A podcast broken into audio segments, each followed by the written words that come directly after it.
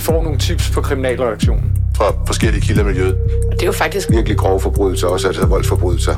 Hvad ser vidnerne i sagen? Hvem står bag? Hvad er motivet? Ja. konflikt imellem Forskellige grupperinger. Drab. Vold. Hævn. Hver uge vender vi aktuelle kriminalsager på Ekstrabladet. 6. februar 2022 forsvandt den unge kvinde Mia Skadhauke Stævn efter en bytur i Aalborgs natteliv. Få dage senere blev to mænd anholdt og sigtet for drabet på den helt unge sygeplejerske studerende. Efter yderligere nogle dage dukkede hendes parterede lige op forskellige steder i, i det nordjyske, og den ene af de her mænd blev så i juni i år idømt forvaring for drabet og usømmelig omgang med lig af den unge kvinde. Han valgte med det samme at anke dommen, og den kommer fra Vestre Landsret i maj måned 2024. Vi har kriminalreporter Bjarke Vestesen med os her, som har fuldt sagen og som kommer til at følge den fremadrettet. Velkommen til, Bjarke, og velkommen til Afhørt. Bjarke, hvad skal der så ske nu? Øh, sagen er jo anket øh, og øh, kommer til at køre om ganske lang tid, faktisk først med start den 13. maj 2024, altså nærmest 10-11 måneder efter, at byretsdommen i Aalborg den øh, faldt til den øh, 38-årige øh, nordjyske elektriker, som altså blev idømt øh, forvaring for drab og forsøg på voldtægt og usømmelig omgang med lig. Hvorfor kommer der til at gå så lang tid fra byretsdommen og til sagen kommer for Vestre Landsret? Ja, det spurgte jeg også øh, mandens forsvarsadvokat, Mette Grits Dage, om, fordi umiddelbart så kan det jo være ret lang tid, øh, man skal vente over, øh, som også den dømte skal vente på at få en afgørelse i landsretten. Men, men ifølge Mette Grits Dage, så er det ikke usædvanligt i de her sager. Typisk i drabsager, så går der jo også et års tid fra et drab bliver begået, og så til det kommer for retten i første instans, altså i byretten. Og så er det altså ikke ualmindeligt, at der går 6, 10, 12 måneder derefter, før, før en øh, sag er, er anket og kommer i, i landsretten. Så, så forsvarsadvokaten mener ikke, at, at det kunne være gået ret meget hurtigere. Også fordi der jo skal findes øh, plads i en domstols kalender, i det her tilfælde Vesterlandsrets øh, kalender, og der er, jo, der er jo, er jo mange ankesager, og så er det lige med at skal finde så mange retsdage, som der er tale om her. Der er faktisk tale om, om op til 10 retsdage, der skal afvikles i landsretten.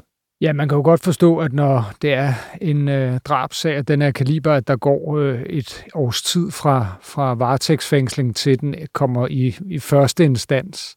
Men at der også næsten skal gå et år, før øh, den kommer i, i næste instans, altså landsretten. Øh, det er simpelthen noget med, med kalendergymnastik at gøre. Det er det, og i nogle tilfælde, så kan der faktisk gå endnu længere tid, hvis nu der er sager, hvor der er væsentligt flere forsvarsadvokater, som er indover, og som også skal øh, krydse og samstemme deres kalender. Jeg har oplevet sager også, hvor der er gået typisk et år, halvandet år, øh, hvor der har været tale om 3, 4, 5 forsvarsadvokater, som skulle samstemme deres kalender.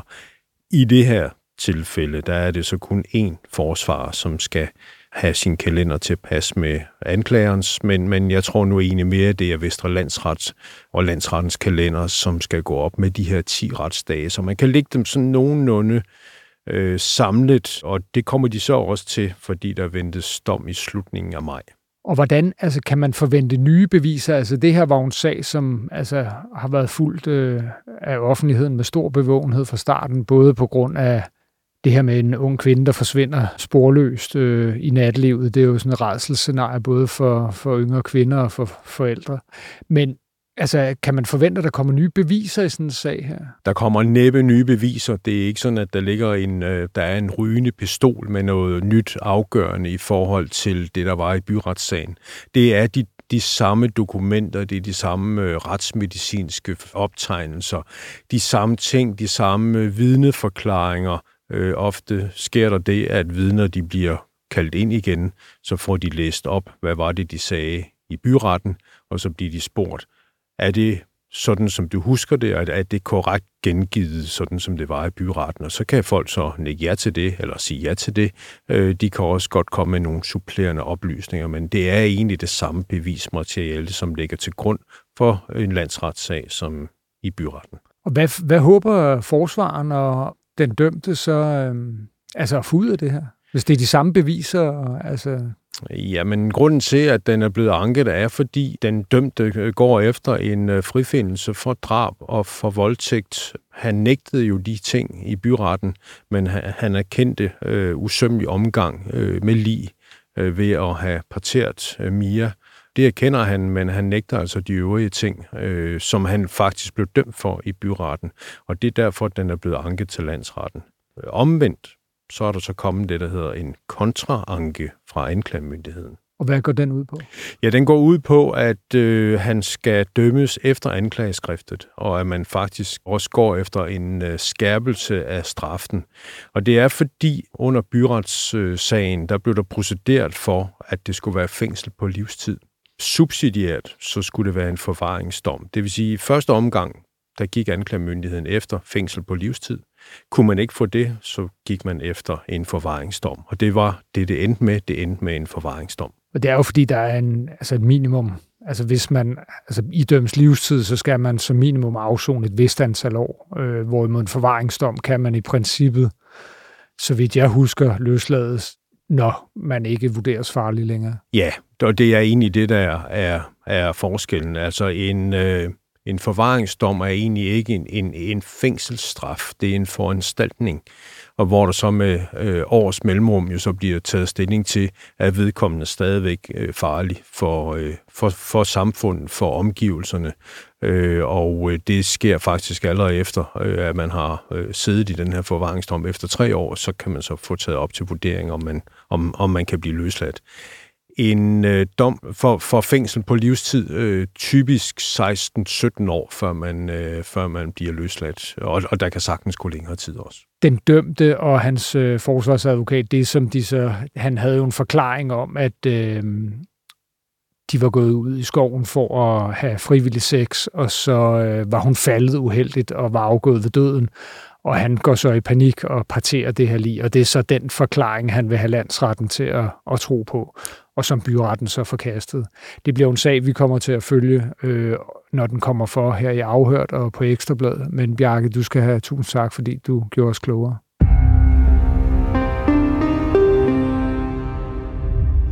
Det er en familiefar, der henter sine børn. Hvad er det, I laver? Hvad snakker I om? Jeg har ikke gjort noget! Jeg slapper af, det jeg ikke slapper af! Stop så med det der fucking lort! Stop med det vold! Stop med det vold, siger jeg! Jeg har ikke gjort noget! Hvad fanden sker der?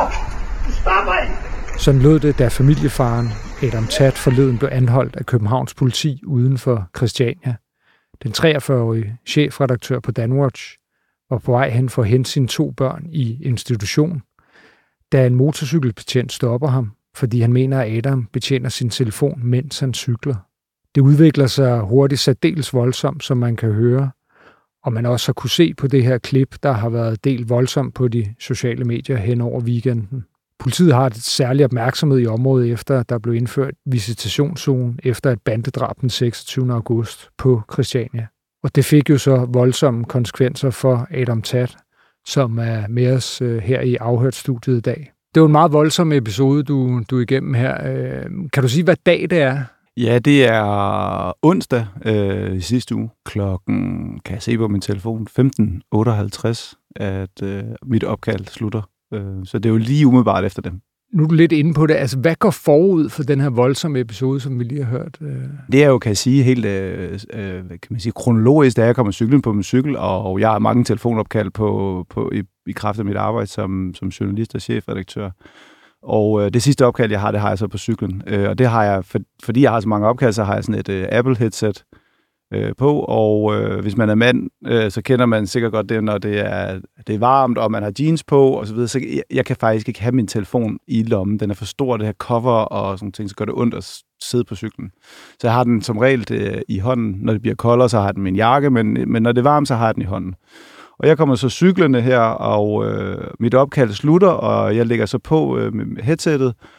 Ja, så øh, meget kort efter øh, bliver stoppet af en betjent, og jeg er på det tidspunkt under 30 meter, 50-30 meter fra min børns øh, SFO. Der kører så en betjent ind foran mig, og han siger så, øh, det er jo ret tydeligt, at jeg er sådan forundret, sådan, hvad, hvad jeg, jeg ved ikke, hvad der sker, men jeg, men jeg bor jo i, altså et stykke, stykke fra Christiania, og har jo tydeligt lagt mærke til, at der er en hæftig forøget patruljering af politiet øh, i øjeblikket på grund af de her visitationszoner og, og indsatsen omkring øh, bandekonflikten inde på Christiania. Men jeg registrerer faktisk ikke, at, øh, at det skulle have noget med den her telefon at gøre i første omgang. Så da betjenten han stopper mig og siger, du, øh, du kørte og, øh, og brugte din telefon, så kommer det virkelig bag på mig i situationer. Det tror jeg, gætter på, at det vil gælde for mange, at jeg bruger jo headset. Jeg, jeg, jeg gør jo det, jeg skal gøre, tænker jeg, fordi jeg, jeg kører ikke rundt og glor på min telefon og på Instagram og bruger den. Og så siger han, øh, nej, du, øh, du, du har brugt den. Og så bliver jeg sådan lidt, øh, men, men det passer jo ikke. Altså, jeg har, jo, jeg har jo headset på, jeg har jo bare lagt på. Nej, du har betjent den. Og så siger jeg sådan, betjent den, hvad, hvad vil det sige betjent den? Altså, jeg bruger jo headset, som jeg skal. Mm. I den her samtale, vi så lige har, den her korte samtale, så siger han så, har du noget ID på dig?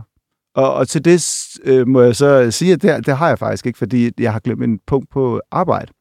Så følger jeg så op med det spørgsmål, der hedder, men, men hvad er det præcis, jeg har gjort her? Fordi mm. jeg har gjort det rigtige, synes jeg. Og så, og så siger han så, øh, du skal oplyse dit navn og dit, øh, dit øh, fødselsdato.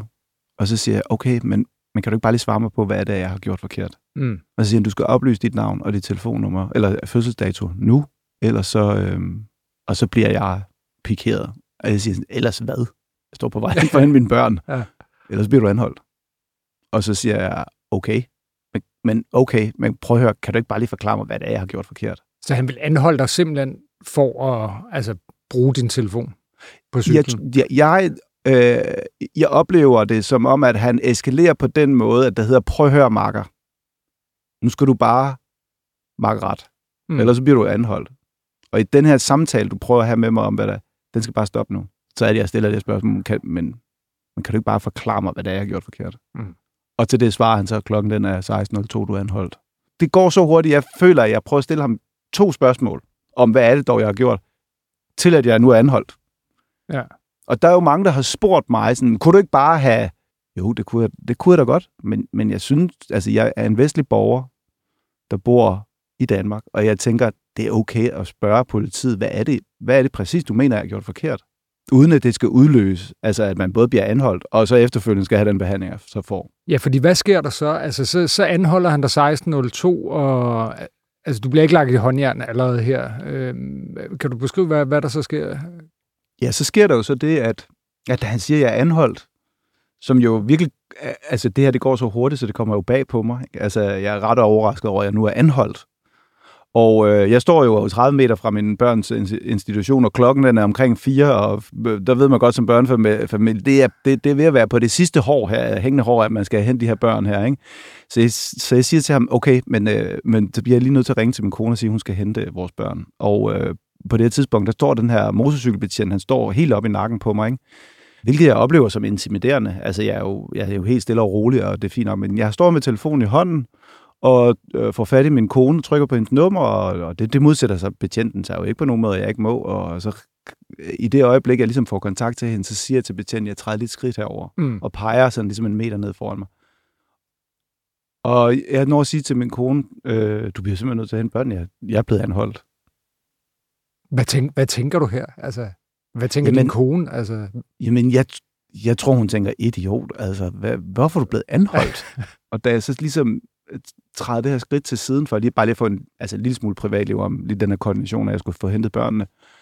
Så tager den her betjent fat i min øh, venstre arm øh, og siger, du skal med ikke stikke af, eller du skal ikke begynde at stikke af. Jeg er chokeret, fordi vi er ikke i gang med at stikke af. Altså, jeg står med min cykel og min kone i røret, og er i gang med at hente mine børn, og har i øvrigt en fisk med. altså, jeg er ikke i gang med at stikke af.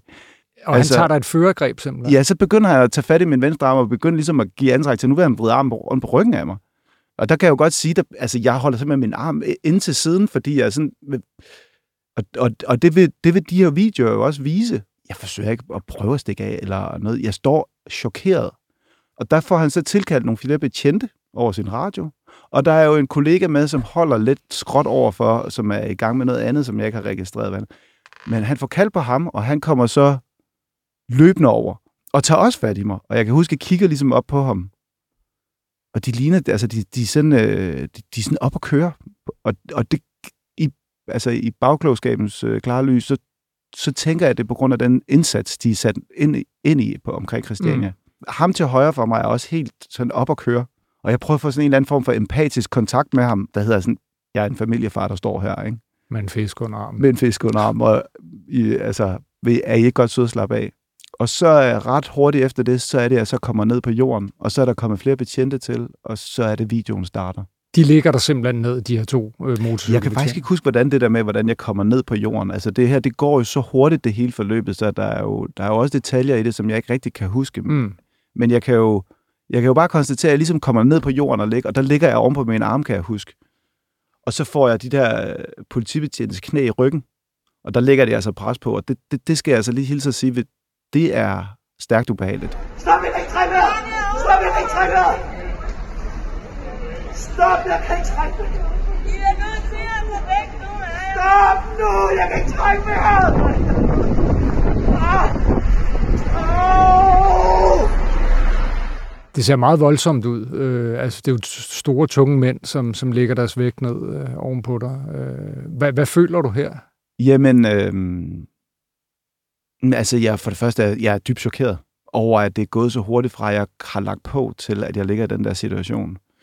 Øhm, Udover det, så er, jeg, så er jeg også vred på det her tidspunkt, altså fordi, hvad fanden bilder de sig ind, helt ærligt? Mm. Jeg har ikke gjort noget, og jeg har ikke forsøgt at modsætte mig, men, men jeg er først og fremmest er jeg bange.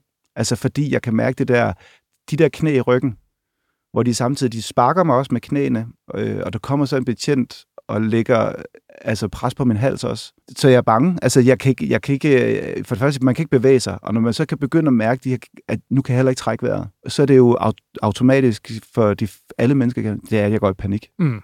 Mm. Mm. Og så eskalerer situationen jo faktisk yderligere. Ja, så mens jeg ligger der og får de her sparker og de her knæ i ryggen og, og ligger der, så, så er jeg jo så lagt i håndjern. Og på, på det tidspunkt, ja, så registrerer jeg bare, nu får jeg også peberspray direkte. Altså, jeg kan mærke den der stråle fra pebersprayen, kan jeg mærke ind i mit øjeæble. Når man får det, der går lige, øh, der, der går lige et stykke tid, og så skal jeg hilse at sige, så gør det ondt.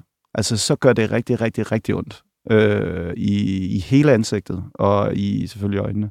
Er det der, du også har svært ved at trække vejret, altså på grund af det her peber, som... Eller Men er det forstærker det. Ja. Altså, men, men det der med at få de der knæ i ryggen, øh, det føles ligesom, at, øh, når man læser om, hvordan en kvælerslange fungerer. Altså, det er, hver gang du trækker vejret ud, så kan du, så kan du næsten ikke trække vejret ind igen.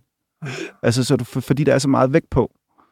Men når det så kommer oven i det her peberspray, og man er i panik, altså, så, jeg, så kan jeg ikke trække vejret. Og der sidder jo altså, der er en betjent, som har sit knæ oven på min hals. Og, og dit ansigt bliver også trukket hen over, over asfalten her, eller... Altså, de, holder det, de holder det så meget nede, at, øh, at jeg har sår i ansigtet bagefter også. Ikke? Og, og hvordan, altså, hvordan kommer du så ud af den her situation? Fordi nu har de jo, altså, det er jo meget, meget voldsomt at se på videoen, og, og, og altså, efter du får den her peberspray, man tænker, det var virkelig unødvendigt. Mm. Ikke? Øh, Hvordan kommer du ud af det? Fordi du forsøger jo hele vejen igennem at få dem til at stoppe, men, men hvor det eskalerer det så hen? Jamen, det gør det, tror jeg, at de, de ligesom... Altså, for det første, jeg er jo lagt i håndjern, jeg har fået peberspray direkte ind i øjnene. Jeg, jeg, der er jo ikke så meget mere, jeg kan gøre, og jeg forholder mig også... Altså, på det tidspunkt, jeg kan, jeg kan huske, at jeg ligesom... Jeg går fra at råbe, fordi det tror jeg er en almindelig reaktion i sådan en, altså når man bliver udsat for sådan noget der, det er sådan, at det er sådan noget, øh, altså det er en eller anden form for sådan traumehåndtering.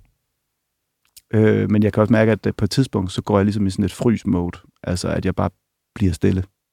Og så rejser betjentene mig op. Og der kan jeg huske, at jeg hørte den ene betjent, ham den første betjent, han ligesom siger til de andre betjente, at øh, ja, det var, fordi han nægtede at udlevere sit navn og sit øh, fødselsdato. Og det bliver jeg simpelthen så vred over, fordi jeg har jo ikke nægtet det. Hvis han havde sagt til mig, du skal ud, øh, udlevere øh, din, dit navn og fødselsdato, og jeg så siger, gud er ej, så havde jeg nægtet det. Men jeg har ikke nægtet det. Jeg er ikke bare gang med at prøve at spørge ham om, kan du ikke lige prøve at forklare mig, hvad er det, jeg har gjort forkert? Og det bliver jeg så vred over også i situationen, at han nu også beskylder mig for, at han nægtede at udlevere mine oplysninger. Så jeg siger til ham, et eller andet, jeg har set optagelsen et par gange, jeg bryder mig ikke om at se den, så, Mm. så jeg har kun set den på gang, men sådan som jeg husker det, så, så er det det omkring, jeg også får sagt til ham, din fucking nar. Det passer jo ikke, din fucking nar! Og det bliver jo så også tiltalt for efterfølgende, fordi det er jo så det, der hedder trusler og trusler om vold mod tjenestemand. Nå, er det en trussel? Det er åbenbart en trussel, okay. som jeg forstår det. Ja. Øh, jeg vil i hvert fald sige, at jeg glæder mig til, at optagelserne kommer frem for forløbet, fordi det vil jo vise, at jeg på intet tidspunkt optræder verbalt eller fysisk troende eller voldeligt. For du står stadig i håndjern med peberspray på her, ikke? Yes. Jo. Ja. Okay. Men øh, så, så, så jeg kommer jo sådan ligesom, øh, så, og der kan man faktisk også se på videoen, at en af dem går lige over, så skal jeg lige have et lille, bare et lille spark mere efter det, ikke? Men, men øh, han siger til mig, nu skal du passe på, hvad du siger, ikke? Og så bliver jeg også vred på ham og siger, så står du truer mig oveni. Altså det hele, det hele, hele hans håndtering af mig fra starten af, det er, at nu skal jeg bare ned med nakken. Altså, det er min oplevelse, ikke? Så kommer jeg jo så ind i øh, patruljebilen, og det eneste, jeg tænker på, det er bare, bare mine børn ikke har set det her. Ja, for de går jo 50 meter derfra i institutionen. Ja. Altså, på det, på det hjørne, der starter institutionen. Da jeg kommer på Station City, nu hvis man ikke bor i København, så øh, er det ikke sikkert, man kender Station City, men det er nok, øh, det er nok den hårdeste politistation, der findes i Danmark. Øh, den ligger nede ved Istedgade. Jeg har kørt mange gange forbi den, men jeg har aldrig været inde på den. Og da jeg sidder i, i, i, i patruljevognen og kommer derind, jeg kan jo ikke se noget i, altså, i over en time kan jeg ikke se noget overhovedet. Jeg er fuldstændig blind. Der bliver jeg så bedt om at tage mit tøj af også, og skal mm, ligesom sætte mig på hug, så jeg kan se op i anus på mig, og skal løfte mine testikler op. For, og jeg er igen der. Der i situationen kan jeg jo huske, at jeg er sådan, hvorfor skal det? Det er da helt unødvendigt, det her. Man må jo godt som politi sige, jamen det er procedure, fordi det er det, så har jeg fundet ud af efterfølgende. Når man er sigtet efter straffeloven, ligesom jeg er om vold mod en tjenestemand, så udløser det en automatisk øh, visit- visitering. Og det er det, jeg så skal udsættes for, hvor, jeg, hvor det igen er sådan, de eskalerer det fuldstændig ud af proportioner, det hele. Ikke? Øhm, og de vil jo altid kunne sige, jamen, mm, det er jo det, vi skal, det er procedur. Det er det, er de deres gode ret til, men det betyder jo ikke, at man altid skal lede efter hvad man nu kan. De skal jo minimere det så meget som muligt. Nå, men da jeg så endelig bliver lukket ind i detention med underbukser på og en t-shirt og et øh, tæppe, så er det eneste, jeg tænker på, det er, ah, altså, bare mine børn ikke har set det her. Og det finder jeg jo så først ud af, da jeg kommer ud igen, at øh, min kone, hun er så sød, hun, hun holder ud foran. Og det første spørger, det er, om det er, har børnene set noget. Og det har de heldigvis ikke. Og så hvor længe, altså, hvor længe beholder de dig i detentionen her? Jeg vil skyde på, at jeg er der et par timer, altså inde i detentionen og til, for, til afhøring. Og hvordan har du det bagefter? Altså, og, og her, altså, da du ligger i detentionen og kan tænke over tingene, der tænker du meget på børnene selvfølgelig, men, ja, ja, men hvordan, ja. hvad, hvad, hvad er din reaktion efterfølgende? Jamen, øh, for det første, så bliver jeg vred. Altså, jeg bliver rigtig, rigtig vred over, at jeg skulle være udsat for det der. For øh, hvis vi bare antager, at øh, jeg skulle have en færdsels øh, bøde, så det er jo fuldstændig ude af proportioner, at jeg skal have sådan en behandling der. Øh, så jeg, jeg er vred, og så er jeg selvfølgelig ked af det. Altså, da jeg kommer hjem, er jeg også, altså, jeg, jeg er skamfuld over det. Fordi... Du er skamfuld simpelthen? Ja, det er jeg, fordi... Øh,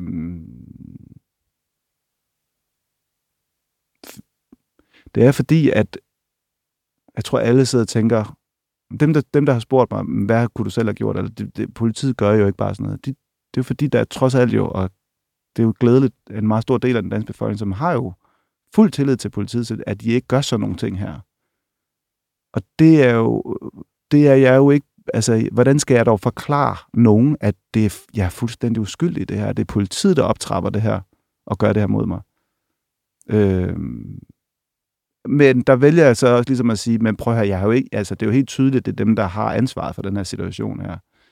Det bliver, øh, og nu har jeg jo en forhistorie om, at jeg faktisk har lavet programmer program om at skulle klage over politiet, og det går jo selvfølgelig gennem mit hoved med det samme, i jeg skal klage over det her. Men jeg ved jo også, at det kan jeg godt skyde en hvid pil efter. Jeg kommer ikke til at få medhold i en klage over det her. Og det gør mig simpelthen så rasende. Det gør mig rasende, at jeg skal udsættes for det. Og det, det gør du ikke, fordi at statistikken er så svag i forhold til, ja. at politiet får altid medhold i det, der hedder DUBEN. Det er den uafhængige den politiklagmyndighed, hedder det. Lige for at vende tilbage til det her med, altså du, du sagde, at, altså, at du følte dig skamfuld. Altså, det er vel også det her med, at det er vel i dit lokalområde, du bor i nærheden, du kommer der dagligt, og så altså, bliver du udsat for det her, ja. altså midt på gaden. Det, det kan jeg godt sætte mig ind i, må være øh, altså, ekstremt grænseoverskridende. Altså. altså, det er jo klart, at hvis man, øh, hvis man er børneforældre eller øh, børnefamilie, og man ved, hvordan en stor, gaden foran en stor institution ser ud klokken 2 minutter og 4, der er ikke andet end øh, børneforældre, øh, der er på vej ind og ud af den her institution her, øh, og det var der også den her dag her. Det vil sige, at det, det er jo forældre til børn, jeg kender, øh, og det kører bare rundt i hovedet, at, at de har jo set det her. Altså, det, det er jo, og det, det kan jeg sige, det er, det er skamfuldt, og det er ydmygende. Nu er du heldig, at det, altså i gåsøjen, at det bliver optaget, det her. Øh, men er det også noget af det, der er med til at få dig til at stå frem efterfølgende? Altså, det, øh, det har i hvert fald været vigtigt for mig selv den aften, jeg kom hjem, og ligesom sige, det her, det skal ikke, det skal ikke, komme, det skal ikke ramme mig. Øh, det, jeg bliver nødt til at forvente kanonen væk fra mig selv. Altså, øh, og ligesom sige, det her, det er ikke i orden, og så gå ud med det. Og det næste, der så er i det, det er jo, at jeg ved jo, der er jo masser, der oplever det her dagligt. Det kan jeg jo se på de mange af de tilbagemeldinger, jeg har fået fra folk, at, at, øh, at de har haft lignende oplevelser. Øh, og at hvis, og som jeg siger, hvis man som, man skal bare vide, at hvis politiet ikke har selvjustits omkring den her situation, så skal man bare vide, at som borger, så kan du så ende i den her situation her. Fordi hvis jeg kan det, så kan alle gøre det. Øhm, og, og det har jeg behov for ligesom at sige, det er, at vi har altså et problem her. Vi har et problem med politiet, hvis de mener, at det, det, det, den øh, magtudøvelse og det voldsmonopol, de har, det skal forvaltes på den her måde her. Så ryger opbakningen og tilliden fra befolkningen til dem, og det er et kæmpe stort problem. Og det næste så er, at når politiet laver fejl, fordi det gør politiet selvfølgelig, det gør de ligesom alle andre mennesker, hvorfor skulle de dog ikke gøre det? Og de gør det ligesom alle andre faggrupper. Øh, de gør det måske endda mere, vil jeg skyde på, fordi de skal lave nogle hurtigere vurderinger, og de skal lave, de står i nogle tilspidsede situationer osv. Men det er sådan set okay, de laver fejl. Selvfølgelig laver vi alle sammen fejl. Men hvis man ikke indrømmer, og ikke har selvjustits om, selvjustits om at hov, den var ikke god, den her, jamen så er det jo et alvorligt problem i vores samfund, fordi så, når de laver fejl, så sidder der flere og flere danskere åbenbart tilbage med en oplevelse af, at og jeg kan ikke engang få medhold i det. Der er ikke nogen erkendelse af, at hov, det var også en fejl. Det må du undskylde. For hvis der bare var det, så kan man sige, fair nok. Ved du hvad, hvis politiet de gik ud og sagde, ved du hvad, det beklager vi. Vi kan godt se, at det var, der var vi ikke professionelle, og vi optrappede den her situation her, og øh, det er vi ked af. Næste gang, så øh, husk at øh, øh, lade være med at have din telefon i hånden, eller altid holde den i lommen, eller hvad ved jeg. Jamen, det vil være fint nok. Men det er det, at der heller ikke er mulighed for at få medhold i en klage efterfølgende, som jeg også gerne vil sige, det er et kæmpe problem. Det er et problem for vores samfund, men det er også et problem for politiet. Fordi, øh... Og nu henviser du til altså, den her meget dårlige statistik, som er i yes. den uafhængige politiklagemyndighed, som du meget bekendt har lavet en dokumentar om i sin tid. Ikke? Jo. Kan du huske altså, procenterne i forhold til, til klagers medhold og, og, og politiet, der ligesom... Øh, jeg mener, at det er sådan, at øh, sidste år behandlede DUP, den uafhængige politiklagemyndighed, 710 sager. Ni af dem faldt ud til klagers fordel. Det, det siger jo selvfølgelig i sig selv noget om, at det er i hvert fald statistisk er stort set umuligt at få medhold i de erklæringer. Og så findes der jo, og fordi der er den her oplevelse af det, øh, altså at du ikke kan få medhold, så er der jo et enormt mørketal. Altså, hvor stort er det mørketal? Øh, er, fordi hvis, jeg ved jo godt, at jeg får højst sandsynligt heller ikke medhold i det her. Jeg kommer til at ende med at få øh, to bøder og to pletter på min straffertest, højst sandsynligt. For alle os, der har set videoen, altså vi øh, ville undre os meget, hvis øh, de ikke fik en, en påtale for at tømme især peberspray ned i hovedet på dig, da du mm. ligger øh, med håndjern på mm. ryggen og med to-tre betjente ovenpå dig. At du skulle udgøre en fare, der, der ligesom retfærdiggør det, det vil komme bag på, jeg tror, de fleste, der har set den video. Mm. Adam, du skal tusind tak, fordi du, du kom og gjorde os klogere, og så håber vi, at du øh, ja, kommer godt videre og kan bearbejde den her oplevelse, så, så det ikke får, for veje øh, men for dig. Tak for det. Tak fordi I lyttede med derude. Jeg skal tilføje, at Københavns politi har ikke ønsket at kommentere episoden, da den er overgivet til den uafhængige politiklagemyndighed.